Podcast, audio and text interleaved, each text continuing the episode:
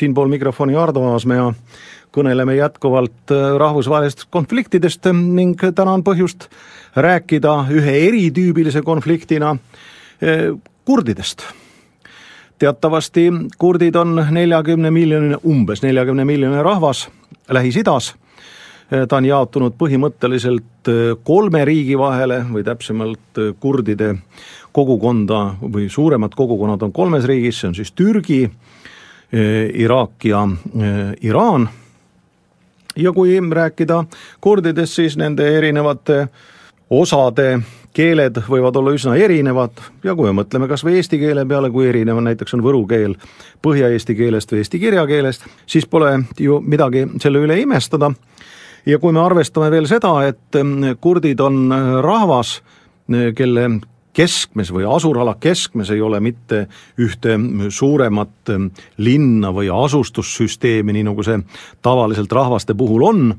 vaid on mäestik. ehk kujutage nüüd ette ühte rahvast, kelle paiknemine on selline, et nende keskel on üks suur mägi ja nad oleksid justkui seal mäenõlvadel ja mäejalamil. See on põhjustatud ühest väga olulisest asjaolust nimelt äh, kurdid on äh, Lähis-Idas üks iidsemaid rahvaid ja ümber nende, jätame nüüd äh, pärslased välja,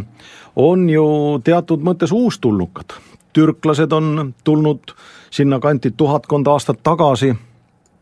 Iraagi hõimasid tuhat viissada aastat tagasi või noh, natuke vähem, araablased, kes on siis ka ju tegelikult uustulnukad ja nii on äh, kujunenud olukord, kus see kõige põlisem, kõige iidsem rahvas on äh, tõrjutud mägedesse. ja on selge, et neil on olnud oma riikluse korraldamine on üsna keeruline, sest kuidas sa hakkad korraldama riiki, kelle, mille keskmes on suur mägi. ja nii ongi nad teatud mõttes tõrjutud, kuid iidne rahvas. pärast esimest äh, maailmasõda, kui toimus Pariisi rahukonverents, lubati algselt kurdidele omariiklust. sellest lääne riigid loobusid, ütleme nii, et kurdid reedeti ja kurdid on olnud tõmmata-tõugata Lähis-Idas päris pikka aega, tänase päeva seis on selline, et nad on peaaegu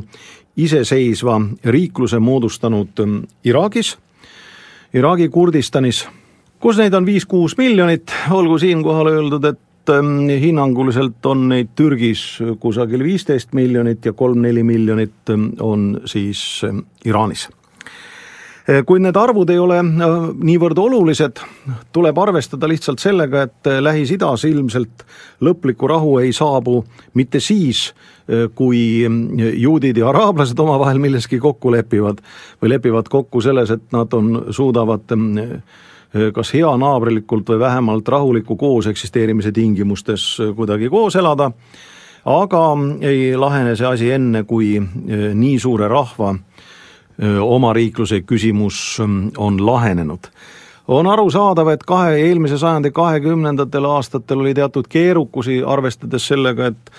Mm, kurdid mm, koosnevad väga erinevatest hõimudest, igal hõimul on oma hõimupealik, neil on erinev, mõnevõrra erinev keel, mõnevõrra erinev kultuur, kuid tänasel päeval teatavasti kultuurivahetus on kiirenenud ning kurdid on ühtlustunud nii oma eesmärkides kui oma kultuuris kui ka üldistes püüdlustes, kõige üldisemas mõttes ja tänasel päeval võib öelda, et põhiliseks takistuseks äh, kurdi küsimuse lahendamisel on äh, Türgi soov kujundada Türgist rahvusriik. kui Mustafa Kemal, keda siis nimetatakse türklaste isaks ehk Atatürgiks, tuhande üheksasaja kahekümne kolmandal aastal kuulutas välja vabariigi, siis tolleks ajaks olid toimunud Türgi aladel ju väga suured etnilised muutused, rahvuslikud muutused sest Osmani impeerium, mis sellele eelnes, oli ju teatavasti paljurahvuseline, paljuusuline riik. ja e, sultani õukond oli ju noh, ütleme nii, et tiine e, Balkanilt e, ja Ukrainast ja Venemaalt toodud sultani naistega, osa nendest olid ju väga mõjukad, läbi Osmani ajaloo. kuid tolleks ajaks oli juba Armeenia tragöödia toimunud tolleks ajaks olid juba kreeklased riigist välja saadetud ja põhimõtteliselt, kui arvestada sellega, et algselt olid ju türklased veel ütleme, sadakond aastat tagasi absoluutses enamuses ainult Ankara ümbruses, see, mida nimetatakse ka Angoraks ja, ja Lõuna-Anatoolias, see on siis Väike-Aasia lõunapoolses osas, siis juba Türgi Vabariigi loomise ajaks olid türklased suuresti juba enamuses, sest mitte ainult Izmirist ei saadetud kreeklasi välja, vaid saadeti välja ka Konstantinoopolist, millest siis hiljem sai türgipäraselt Istanbul ja on seda tänase päevani ja me teame ainult Konstantinoopoli patriarhi, mis on seotud pigem õigeusu kirikuga. ja, ja Konstantinoopoli nimi on üldse seotud eelkõige õigeusu kirikuga meie tänases kõnepruugis. Ja nüüd ainukesed, kes jäid justkui, kui nii võiks öelda, Türgi riigile teele ette tema rahvusriigi loomisel, olid kurdid. esiteks oli neid palju ja teiseks nad paiknevad riigi kaguosas, kagu- ja idaosas üsna ühtlaselt, seal ei ole segarahvastikku seal ei ole niisugust olukorda, et on noh, mingid piirkonnad, kus on siis türklased ja siis on seal mingid piirkonnad, kus on äh, kurdid enamuses, äärealadel muidugi segarahvastikku on, kuid äh, see ei ole väga tuntav. ja nüüd siis türklased võtsid teatud mõttes hoiaku, et kurde ei ole olemas. Kurdi keel keelati ära, kurdikeelsed ajalehed ja raamatud ei tohtinud ilmida, kurdi keeles ei tohtinud kõneleda, kurdi keeles ei saanud haridust ja, ja türklased hakkasid kurde nimetama mägi türklasteks.